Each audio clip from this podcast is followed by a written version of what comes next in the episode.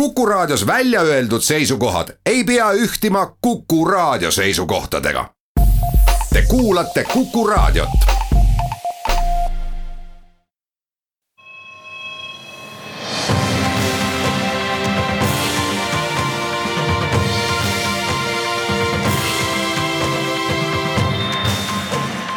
Buum. saadet toetavad Swedbank ja EBS, nähes ja luues võimalusi tere päevast, on kahekümne kolmas jaanuar, kell on saanud kaheksa minutit üksteist läbi. oleme eelviimast korda Kuku raadio eetris majandussaatega Buum. ja tänaste uudisteploki avame aruteluga sellest, millest põnevast räägitakse Davosis alanud Maailma Majandusfoorumi aastakoosolekul. teiseks räägime kliimamuutustest, täpsemalt sellest, et ettevõtted, kes panustavad kliimamuutustesse, nende aktsia väärtus turgudel kasvab kiiremini võrreldes teistega. Räägime ka sellest, et maailma suurim droonitootja on kimpus äh, korruptsiooniafääriga ning arutleme selles valguses, äh, miks ikkagi nii paljude ettevõtete juhid äh, viimasel ajal kipuvad korruptsiooniskandaalidesse sattuma uudisteblogi lõpetuseks räägime levivast buumist sotsiaalmeedias, kus siis püütakse ennustada ja, või, või siis tagasi vaadata, mida inimesed kümme aastat tagasi ei teadnud, nüüd teavad meie tänased saatekülalised on Signe Vilipus ja Kairi Raudmets sihtotsingu ettevõttest Peterson ja partnerid. räägime sellest, kuidas otsitakse ning leitakse tippjuhte. saatejuhid nagu ikka, Anto Liivet ja Ott Pärna. Aga nii nagu lubatud sai, kõigepealt äh, Davosi majandusfoorumi teemat äh, kolm tuhat Äh, inimest suurusjärgus koguneb ka sel aastal sellesse väikelinna. ja tegemist on mingis mõttes ikkagi maailma eliidi või koorekihiga, presidendid, peaministrid, äriliidrid, nii tippjuhid kui investorid. Ja räägitakse alati ka sellest, kuidas nendel inimestel vahepeal majanduslikus mõttes läinud on ja sobratakse nende rahakottides, muuhulgas me oleme siis äh, teada saanud äh, Bloombergi vahendusel, et äh, võrrelduna kümne aasta taguse ajaga on kasvanud Davosi foorumil osalejate varandus saja seitsmekümne viie miljardi dollari jagu, samal ajal raporteerib Oxfam International, et pooled maailma vaesematest inimestest on sel ajal oma varandusest üksteist protsenti kaotanud no nüüd, kui nüüd ausalt ära rääkida, tegemist pole mitte väikse külaga, vaid Šveitsis oleva luksusliku äh, mäesuusakeskusega, eks, kuhu siis maailma rikkad, ilusad ja, ja tähtsad äh, aastas korra kogunevad, et arutada siis maailma nii-öelda selliste pakiliste probleemide üle. Äh, selle taustal näiteks viimase, mis on siis aastalt tuhat üheksa, kaks tuhat üheksa kuni kaks tuhat seitseteist on maailma miljardäride vara kasvanud kolme koma neljalt triljonilt kaheksa koma üheksale triljonile ehk siis küm-, alla kümne aastaga on miljardäride varandus kasvanud maailmas kolm korda ehk siis rikkad saavad jätkuvalt rikkamaks, vaesed jäävad vaesemaks, seda on ka kõik trendid. muuseas, seal hästi palju arutati selle üle, et, et see trend, noh, seda pole suudetud murda ja, ja seda ükskõik milliseid siis nagu neid nii-öelda sissetulekudetsiile vaadata, ütleme, alumine ots jääb vaesemaks, ülemine ots saab rikkamaks. Äh, samamoodi jätkuvalt kasvab vahe ähm, juhtide ja töötajate palgataseme vahel äh, siis aasta tagasi saavutati siis kord, kus on üle kolmekümne korra palga erinevus. Ehk siis, et äh, Kuku raadio juht peaks saama kolmkümmend korda rohkem palka kui keskmine töötaja Kuku raadios. nii et Eestis vast nii suured erinevused ei ole, aga maailma tipus nii ta paraku on Äh, on jutuks ka teised huvitavad teemad. Äh, Euroopa mahajäämusest räägitakse, eriti kui me räägime neljandast tööstusrevolutsioonist, tehisintellektist, et, et siin suur võidujooks käib Hiina ja Ameerika Ühendriikide vahel, mida me oleme paar korda ka siin saates käsitlenud. Euroopa on sellest mängust kuidagi kõrval ja, ja kõrval nii noh, selle, selles valdkonnas oleva teadmise mõttes kui ka tegelikult inimressursi arendamise mõttes selles, selles valdkonnas. räägitakse Vene, Venemaa võimalikust konkurentsivõime kasvust, et millised üldse potentsiaalsed teed on. nähakse võimalusi just läbi suurlinnade Venemaa mingisugustki arengut nii-öelda sisulisemas mõttes mm, äh, hästi palju räägitakse sellest, et äh, emake loodus on kõvasti kokku tõmbamas, et kaks kolmandikku äh, siis äh, elavast loodusest on, on justkui nagu kadumas. ma saan aru, et siin on pigem viidatakse siis kõikvõimalikele noh, loomadele, taimedele, et nende arvukus nagu väheneb ja mida see tähendab. ja sellega seoses siis vaadatakse seda maailma, püütakse taasmõtestada sisemajanduse kogutoodangut lahti ja just nimelt seda, et see, see tegelikult kõike ei väljenda. et, et arengul on terve rida teisi kategooriaid ka, kui puhtalt siis nagu noh raha inimese kohta, mis, mis siis majanduses suudetakse genereerida. et selles mõttes palju huvitavaid teemasid on sees, aga samas ka palju sellist, mida me oleme ka varasematel Davosi foorumitel näinud eile siis foorum algas, täna saab kuulata Jaapani peaministrit eh, Shinzo Abet ja ka Saksa kantslerit Angela Merkelit.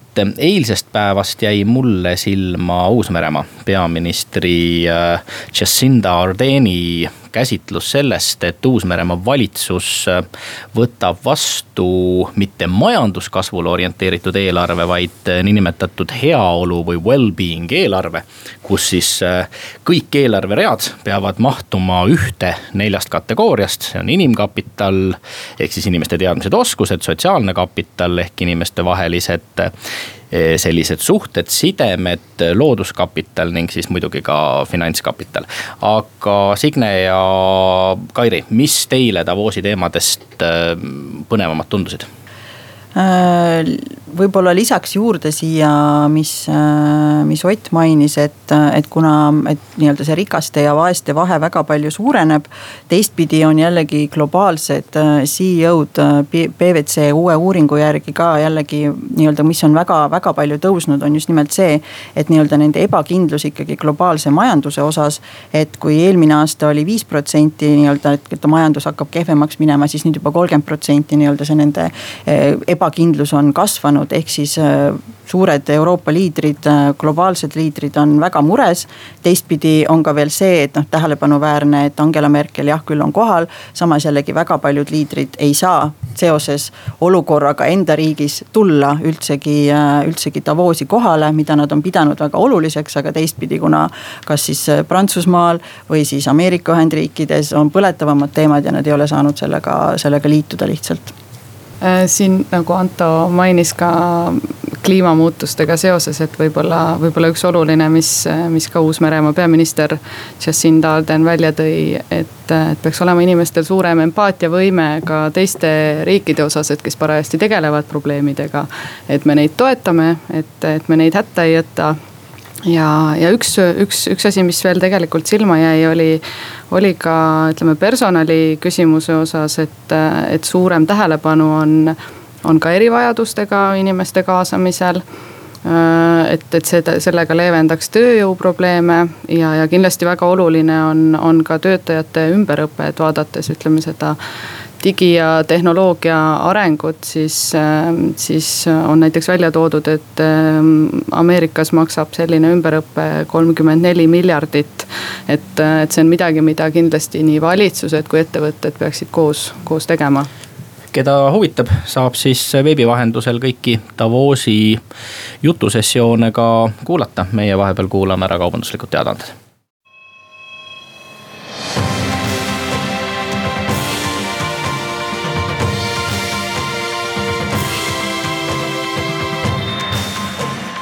Buum.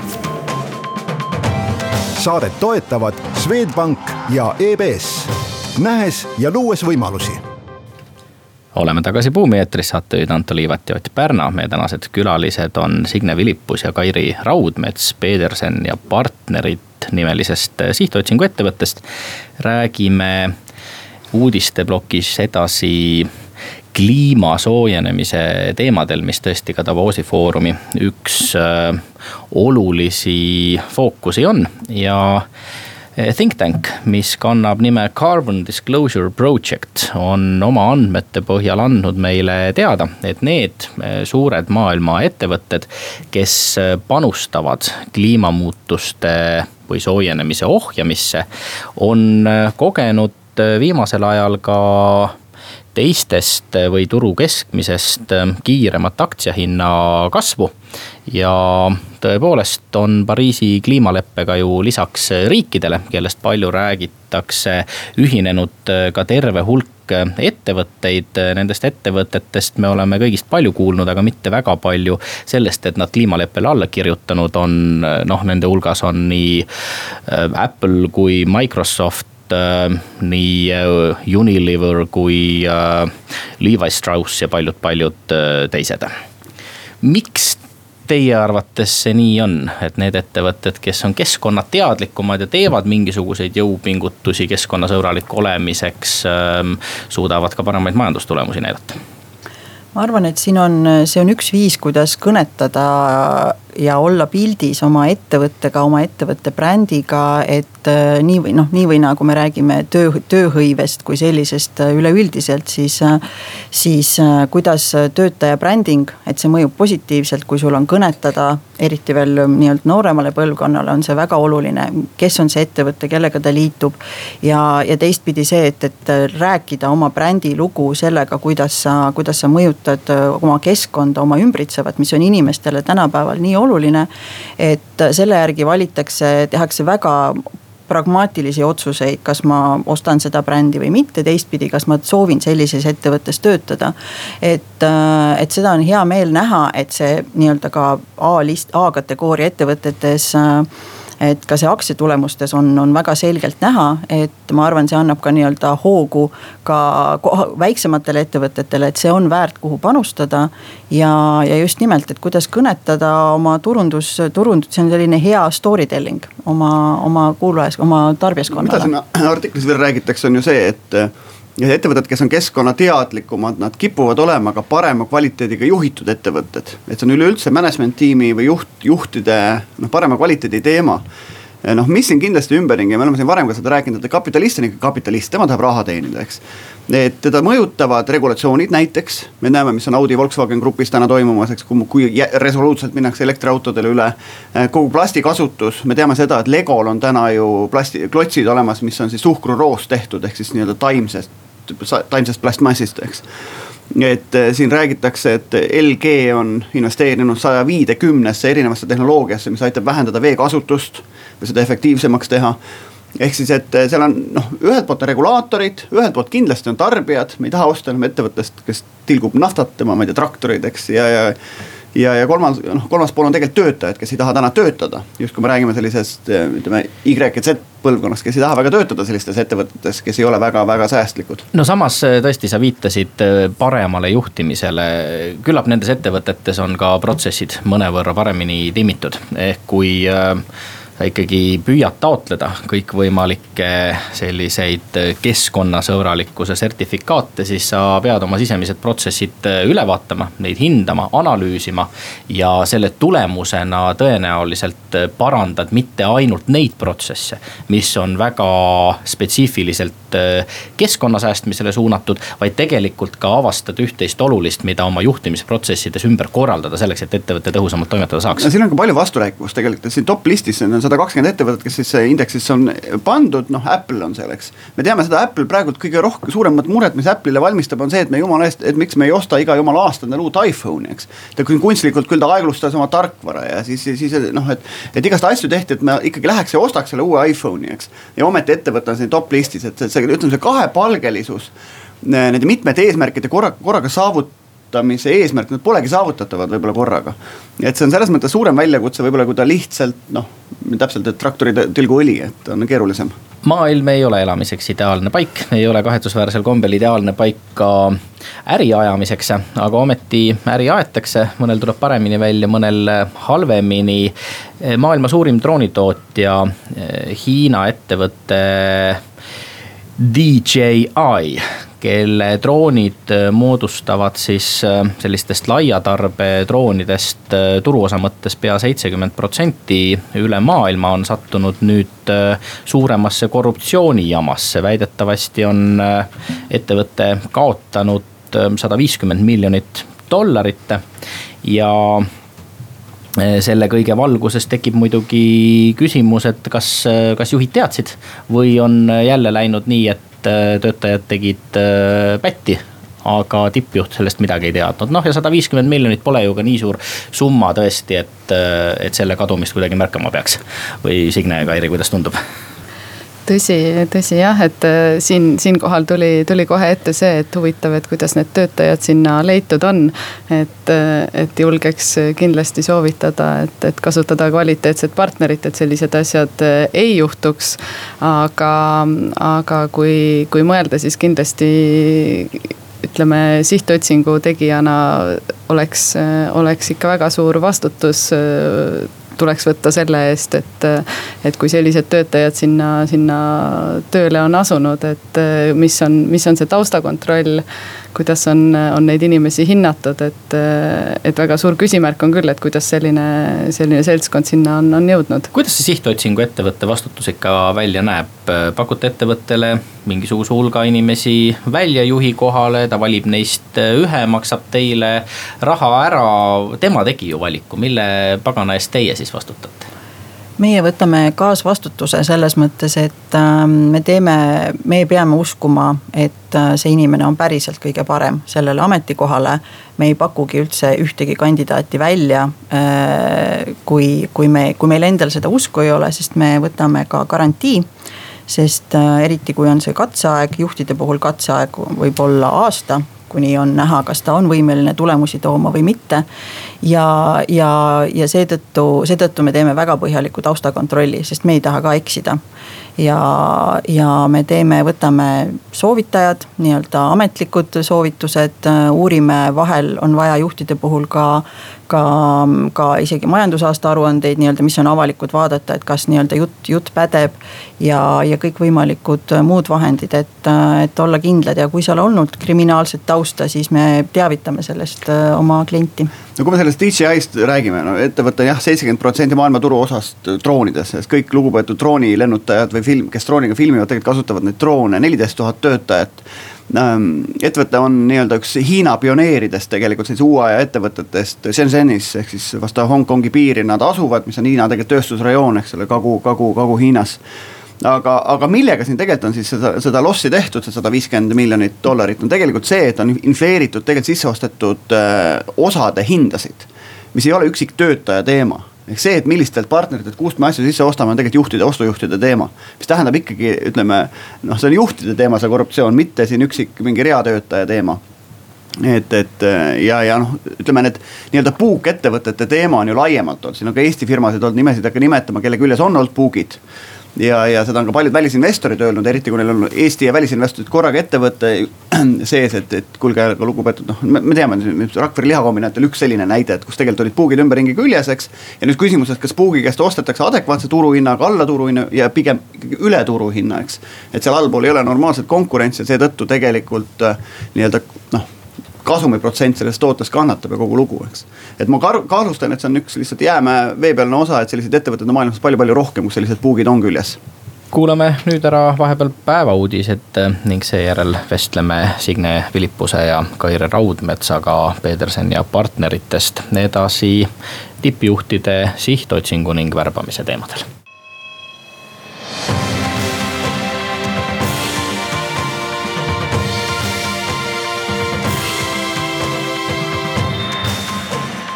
Buum.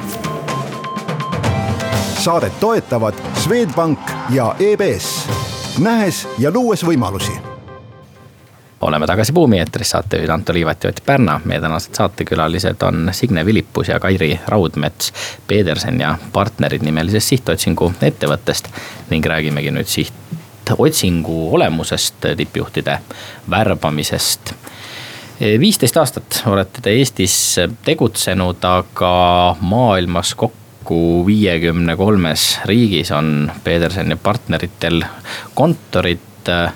miks seda sihtotsingu äri ikkagi vaja on ja, ja kuidas see turg maailmas välja näeb, kes on sellised suuremad tegijad ja, ja kus teie tunnete, et te lisaväärtust luua saate? jah turg on äh, pidevas kasvus, äh, sihtotsingu turg globaalselt on neliteist miljardit, suur äh, äri. mis on siis aastast kaks tuhat üks kasvanud üle, üle, üle viiekümne protsendi. Ja, ja on selges kasvutrendis, ettevõtted on aru saanud, et see on üks, üks viis, kuidas omale tippjuhte, tippjuhte leida ja suuremad tegijad äh, moodustavad tegelikkuses kuskil kolmkümmend protsenti siis sellest neljateistkümnest miljardist ja ülejäänud on siis väiksemad tegijad, et suurimad tegijad on Korn Ferry, Egon Zender äh, ja nii edasi, et et äh, aga nemad ei toimeta väga väikestel turgudel, kuna nad on nii suured globaalsed ettevõtted, kontsernid, siis nad ikkagi seal, kus on, on rohkem äh,, rohkem, rohkem ärisid äh, ja seetõttu siis Peterson and Partners, kuidas võib-olla nii-öelda alguse sai, saigi sellest, et, et pakkuda sellist kvaliteetset maailmatasemel teenust siis ka väiksematel turgudel. sai ta alguse Ida-Euroopa riikidest, aga ettevõttel on läinud väga hästi ja nüüd nii-öelda me oleme siis juba viiekümne kolmes riigis, sealhulgas hulgas siis Lääne-Euroopa riigid, Ameerika, Kanada, Aasia ja nii edasi miks väikestel turgudel üldse seda sihtotsingu teenust vaja on, Eestis ei ole ülemäära palju tippjuhi potentsiaaliga inimesi. Ehm, oluline osa Eesti ettevõtete omanikest, juhtidest on aastate jooksul ka siitsamast Buumi saatest läbi käinud. Ehm, miks teid värvatakse, kui kõik kõiki tunnevad, vähemalt Eestis? Vot see ongi üks müüt, mida me tegelikkuses tahame kummutada, et äh, isegi väikeses riigis nagu Eesti kõik ei tunne kõiki. ja samamoodi alati äh, juht, keda sa tead, ei pruugi olla sinu ettevõttele kõige parem juht, ta võib olla väga hea juht, aga see ei tähenda, et ta on just sellel hetkel, selles kasvufaasis, selles stabiilsusfaasis, arengufaasis see juht, keda on vaja ja, ja sihtotsingu ähm, mõte ongi see, et leida, kes on sellel hetkel, mis faasis on ettevõte. Äh, kes on, toob need tulemused, millist muudatust on vaja tuua, millise, võib-olla on vaja laieneda teistele turgudele, seal on teistsugused oskused, mida on vaja. ja, ja, ja me oleme, meil on olnud päris mitmeid otsinguid, kus äh, ettevõte ütleb jah, ma tean kõiki inimesi siin Eestis ja kui me hakkame otsima, siis tegelikkuses nad on ise ka üllatunud, et ei teagi, nad ei tea kõiki, isegi oma valdkonnast, kui me otsime väga spetsiifiliselt valdkonnas, sest tavaliselt otsitakse juhte. kas on, kellel on jaekaubanduse kogemus, kellel on tootmisettevõtte kogemus ja nii edasi. ja nad arvavad, et nad teavad, tegelikkuses ei tea. samamoodi ei tea ka kandidaadid teatud ettevõtteid, mida ettevõte arvab, et nad kõik teavad, et see on üks müüt, mis kindlasti vajab kummutamist no kui kõik ei tunne veel kõike, siis meile Antoga võib alati helistada, me ikka tunneme, et, et võime oma abikäe osutada. see naljaga pooleks, aga, aga kui me nüüd räägime üldse nagu inimeste värbamisest või otsimisest või leidmisest mingile ametikohale. et kust äh, toimub piir, et kas ma panen, ma ei tea, Eesti Ekspressi kuulutuse, täna otsitakse maksu või selle rahandusministeeriumi maksu- ja tollipoliitika asekantslerit näiteks on ju. või peaks siis rahandusministeerium või riigikantselei, kes seda inimest otsib, pöörduma teie poole, te lähete ise siis äh, nii-öelda pikkima neid, neid maasikaid ja leiate selle õige kandidaadi.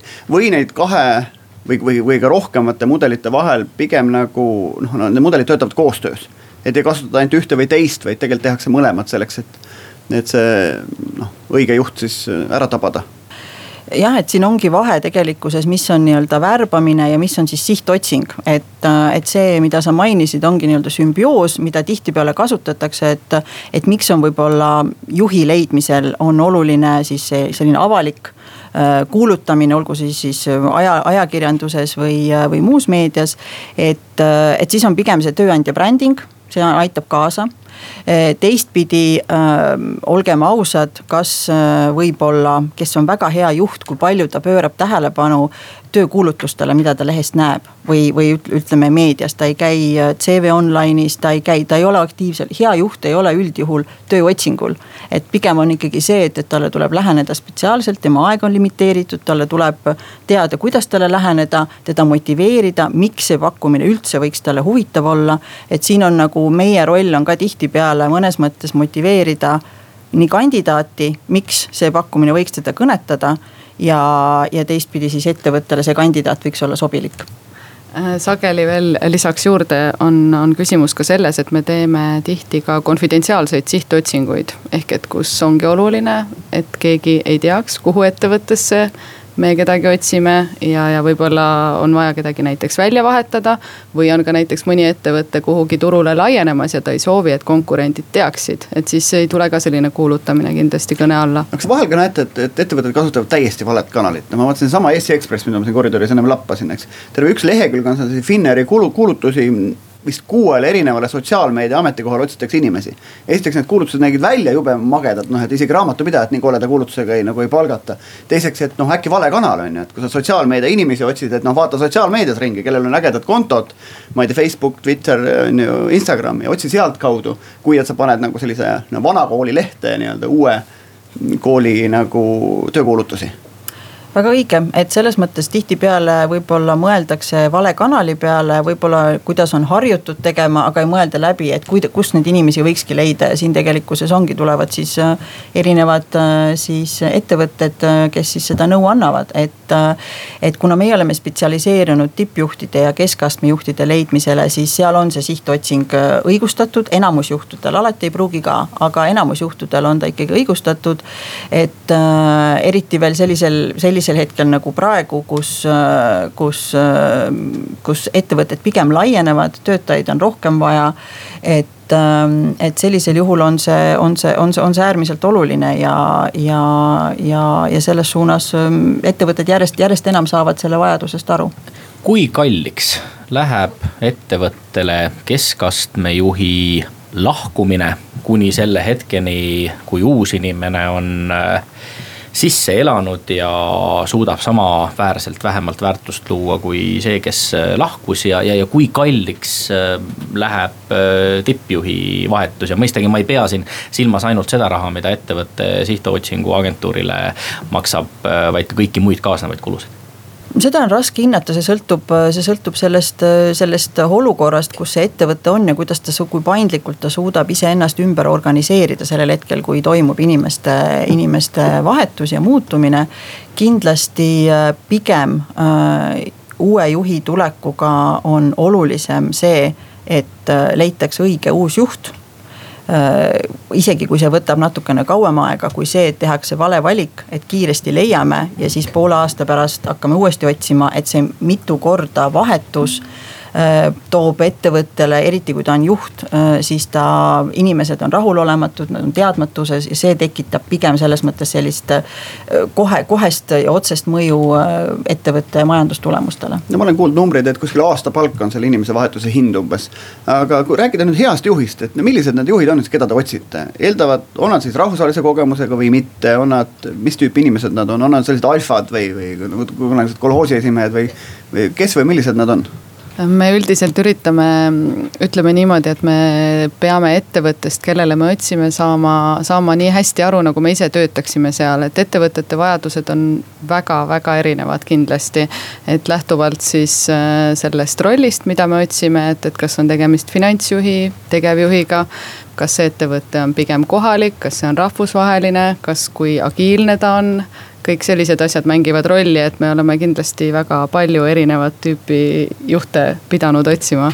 aga räägimegi erinevatest juhtidest, ka Eesti juhtide voorustest ja puudustest juba pärast reklaamipausi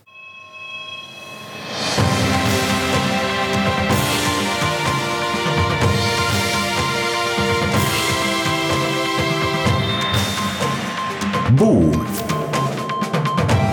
saadet toetavad Swedbank ja EBS, nähes ja luues võimalusi oleme tagasi Buumi eetris, saatejuhid Anto Liivet ja Ott Pärna. meie tänased saatekülalised on Signe Ülipus ja Kairi Raudmets, Pedersen ja partnerid. nimelisest sihtotsingu ettevõttest räägime tippjuhtidest äh, ja nende värbamisega seonduvast. Kui te viiekümne kolmes riigis toimetate, siis peaks teil olema sellisest globaalsest turust võrdlemisi hea ülevaade. häid juhte räägitakse, vähemalt on alati puudu. kuidas see seis äh, tegelikult on ja, ja kui palju on äh, neid juhte, kes noh, tõtt-öelda küll ei ole täna töötud, aga mõtlevad väga tõsiselt äh, selle peale, et kui tuleb parem pakkumine, siis liiguks edasi. Ma arvan, et neid juhte on väga palju, kes õige pakkumise korral on valmis, valmis liikuma ja, ja isegi kui tal on hetkel väga, väga hea, väga hea positsioon, töökoht siis, siis tihtipeale ikkagi juhti kõnetab peamiselt see väljakutse, mitte, mitte nii väga ikkagi see paketi suurus, mis mingi hetk tuleb kindlasti ka, ka kasuks, aga. mis juht... summast alates äh, juhid enam ei küsi esimese küsimusena, kui suur on palganumber? tippjuhid äh, praktiliselt ei küsigi pigem on see, pigem kui tippjuht küsib seda esimesena, siis see näitab juba, et et ei ole tegemist võib-olla õige, õige juhiga sellele no, no aga siiski, et, et, et missugusest palgatasemest äh, tegelikult äh, muutub väljakutse olulisemaks kui äh, kompensatsioonipakett?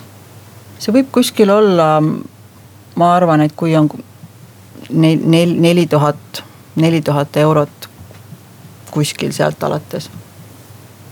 mis on äh, esimene küsimus, mida teie juhikandidaadi käest äh, küsite, kui te ütlesite, et noh, see ei äh, peaks olema seotud palganumbriga?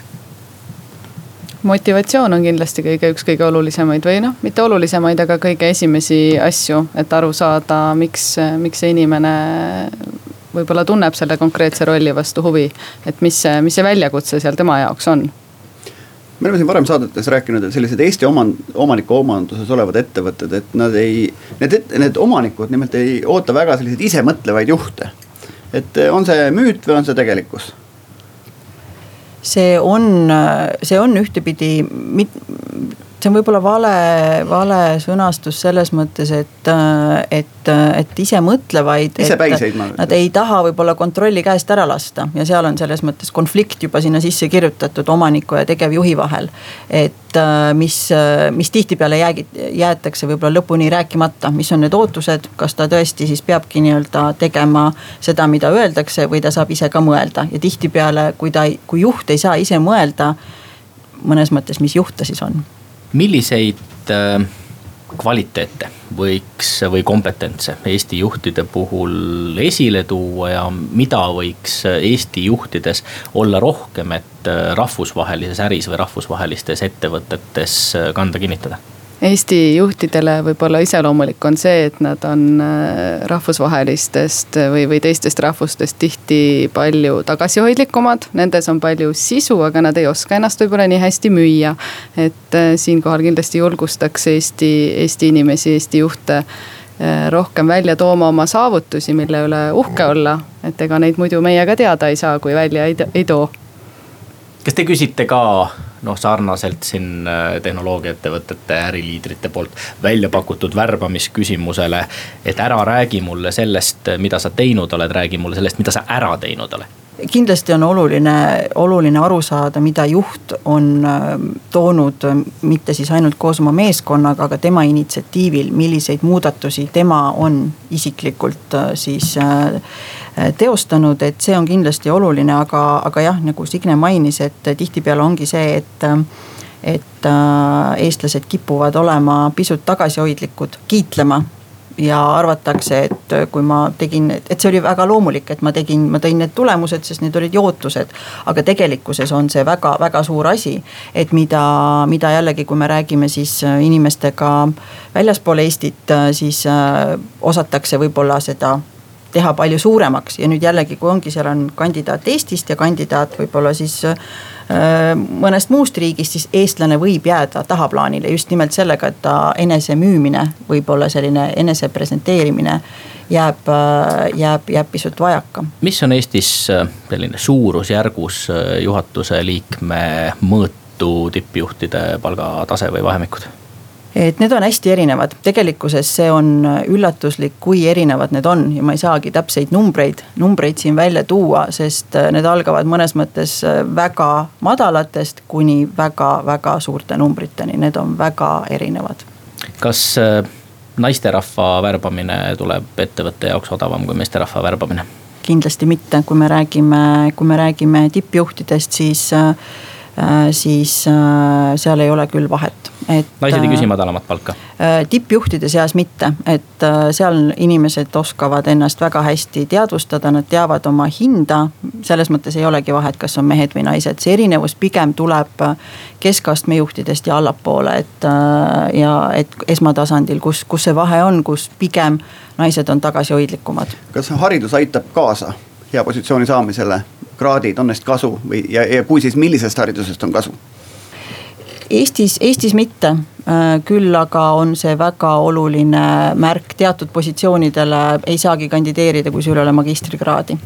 Et, et see on, aga see on pigem, pigem väljaspool, väljaspool Eestit. nii et tubli Ott, et doktorikraadi ära tegid, loodetavasti tunned ennast paremini, sotsiaalmeedias äh, on praegu populaarne ten year challenge nimeline ettevõtmine, kus siis postitatakse endast kümne aasta tagune pilt, pannakse tänane pilt äh, kõrvale. vaatame meie ka korraks saate lõpus kümne aasta taha. mis on see, mida teie olete viimase kümne aasta jooksul juhtimise ettevõtluse kohta sellist teada saanud, mida te varem ei teadnud? Ma vastan siis, et äh, kindlasti kümme aastat äh, tagasi tundus äh, juhtimine, ettevõtlus, ettevõtte omamine, kõik tundus väga palju glamuursem ja uhkem kui, kui võib-olla tänasel päeval, et olles nüüd näinud neid telgitaguseid suhteliselt igapäevaselt. siis, siis nüüd kindlasti, kindlasti olen, olen selles osas palju teadlikum, kui, kui palju tööd seal taga on juhtidel kui oluline on ka näiteks meeskond, et meeskond saaks aru, mis on vaja ära teha koos. et, äh, et võib-olla, võib-olla sellised aspektid, et see kindlasti ei ole kõik nii pidulik ja ilus no mina kümme aastat tagasi mõtlesin, et kvaliteetaeg on see, mis sa juhina veedad kuskil klaastornis ja lahendad, liigud ühest tulekahjust teise tulekahjusse ja ehitad midagi suurt. Eh, siis täna ma olen üha enam eh, aru saanud sellest, et kvaliteetaeg on tegelikult see, mis sa saad ka kuskil maal trimmeriga metsas olla või lastega suusamäel või, või midagi sellist teha. et ütleme, sellise ambitsioonika inimese noh, trade-off ongi see mingi tasakaal nende kahe asja vahel ilmselt sa ei saa ka üle karjääri täpselt ühtemoodi balansseerida, et mõnel puhul sa teedki midagi rohkem, teisel puhul teist rohkem, aga aga, aga juht, ütleme juhi seal to, üleval tornis on üksik ja kõle. et, et sa pead kuidagi neid patareisid laadima, aeg-ajalt tasub sealt alla tulla ja, ja maailmas ringi vaadata. Kairi jah, et minu, minu enda juhi nii-öelda siis ähm, kogemus ongi kümme, kümme aastat ja mõned kuud peale ja võib-olla see stardipositsioon, kus ma sellel hetkel olin. oli see, et, äh, et kus äh, olles siis ühes teises rahvusvahelises kontsernis äh, Eesti üksuses saanud äsja mm, juhiks esimest korda ja, ja, ja siis enne seda oli kõik ettevõtte majandustulemused kasvasid, siis tuli majanduslangus, Kairi sai juhiks. ja majandustulemused hakkasid, hakkasid kõvasti langema kasvu asemel ja see stardipositsioon ja see kogemus tänu sealt, et kus ma siis jälle äri nii-öelda jälle kasvu tõin. on nii-öelda aidanud siis tänapäeval aru saada ja oskust ka, kuidas siis äh, hinnata teistpidi siis teiste ettevõtete juhte. räägin ka südamelt ära, ma olen õppinud kannatlikkust ja saanud aru, nii nagu ka Barack Obama ütles, kui ta teist korda presidendiks kandideeris. et change takes time või et muutus võtab aega. kahekümnendate keskpaigas meeldis mulle mõelda, et kui sa oled tubli ja hästi innukalt tegutsed, siis juhtuvad suured asjad kiiresti. tänaseks ma olen aru saanud, et see ei pruugi alati niimoodi olla. aitäh, Signe Vilipus ja Kairi Raudmets, Pedersen ning partneritest meile saatekülalisteks tulemast järgmisel nädalal jääme erandlikus korras Otiga stuudiosse kahekesi ja oleme viimast korda eetris Buumi saatega Kuku raadios. seniks aga kuulmiseni.